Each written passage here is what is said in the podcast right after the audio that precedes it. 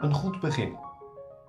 Dit is een podcast van DanielOnline.nu, een initiatief van de Jeugdbond. Luister iedere werkdag naar deze podcast en ontdek de boodschap van de psalmen voor jou. Vandaag met Jacob Pons, jeugdwerkadviseur bij de Jeugdbond. Vandaag lezen we vers 43 tot en met 48 van Psalm 106. En het thema is onbegrijpelijk. Hij heeft hen menigmaal gered, maar zij verbitterden hem door hun raad en werden uitgeteerd door hun ongerechtigheid. Nochtans zag hij hun benauwdheid aan als hij hun geschrei hoorde, en hij dacht tot hun beste aan zijn verbond, en het berouwde hem naar de veelheid van zijn goede tierenheden. Daarom gaf hij hun barmhartigheid voor het aangezicht van alle die hen gevangen hadden. Verlos ons, Heere, onze God, en verzamel ons uit de heidenen, opdat wij de naam van uw heiligheid loven, ons beroemende in uw lof. Geloofd zij de Heere, de God van Israël, van eeuwigheid en tot in eeuwigheid. En al het volk zeggen: Amen. Halleluja. Wat heb je gedaan?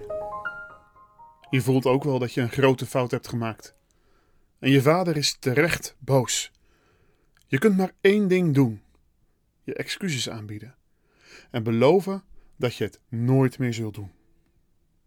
En als je vader je excuses accepteert en het je vergeeft, dan haal je opgelucht adem, gelukkig.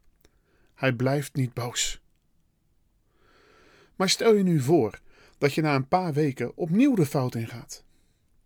Opnieuw doe je iets waar je vader of je moeder heel boos om wordt.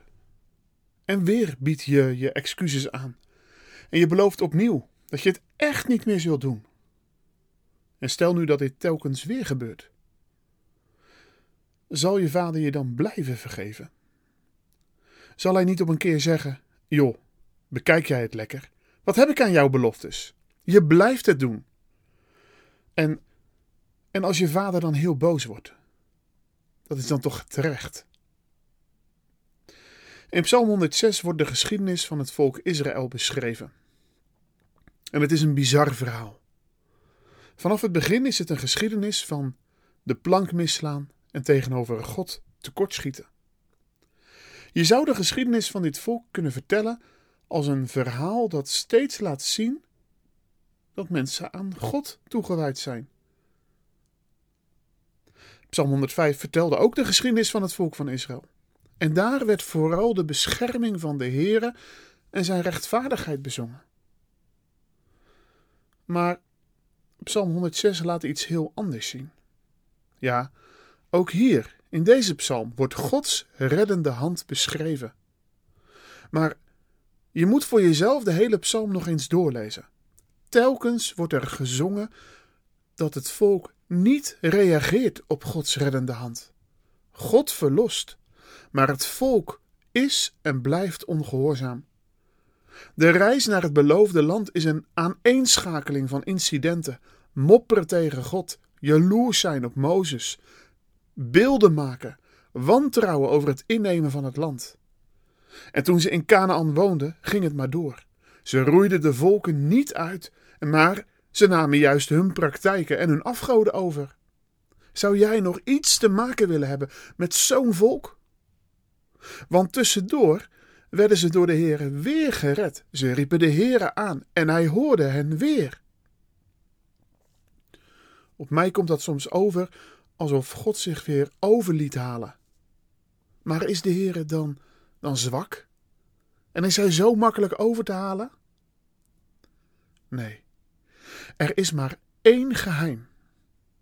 De God van het verbond blijft denken aan zijn verbond. Dat is het fundament voor het bestaan van het volk. En daarom begint deze psalm ook met een lofprijzing. Halleluja, loof de Heere, want hij is goed, want zijn goede tierenheid is in der eeuwigheid. Weet je waarom in deze psalm nu steeds de onrechtvaardigheid, de ongehoorzaamheid van het volk beschreven wordt?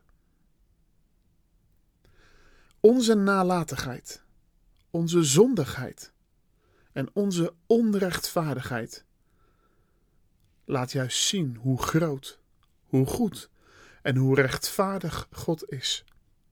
Die genade wil Hij geven. Ik las ergens: God kan moeilijk weerstand bieden om genadig te zijn. Dat is wat Hij wil doen. En juist in het geven van Zijn genade wordt Hij verheerlijkt. Hoe zwaar wij ook Zijn wetten schonden, zegt Psalm 103, Hij straft ons, maar naar onze zonde niet. Onbegrijpelijk, toch? Het is schokkend dat het volk steeds de Heere verdriet doet met hun zonde. Ik denk dan heel vaak: wat een dom volk.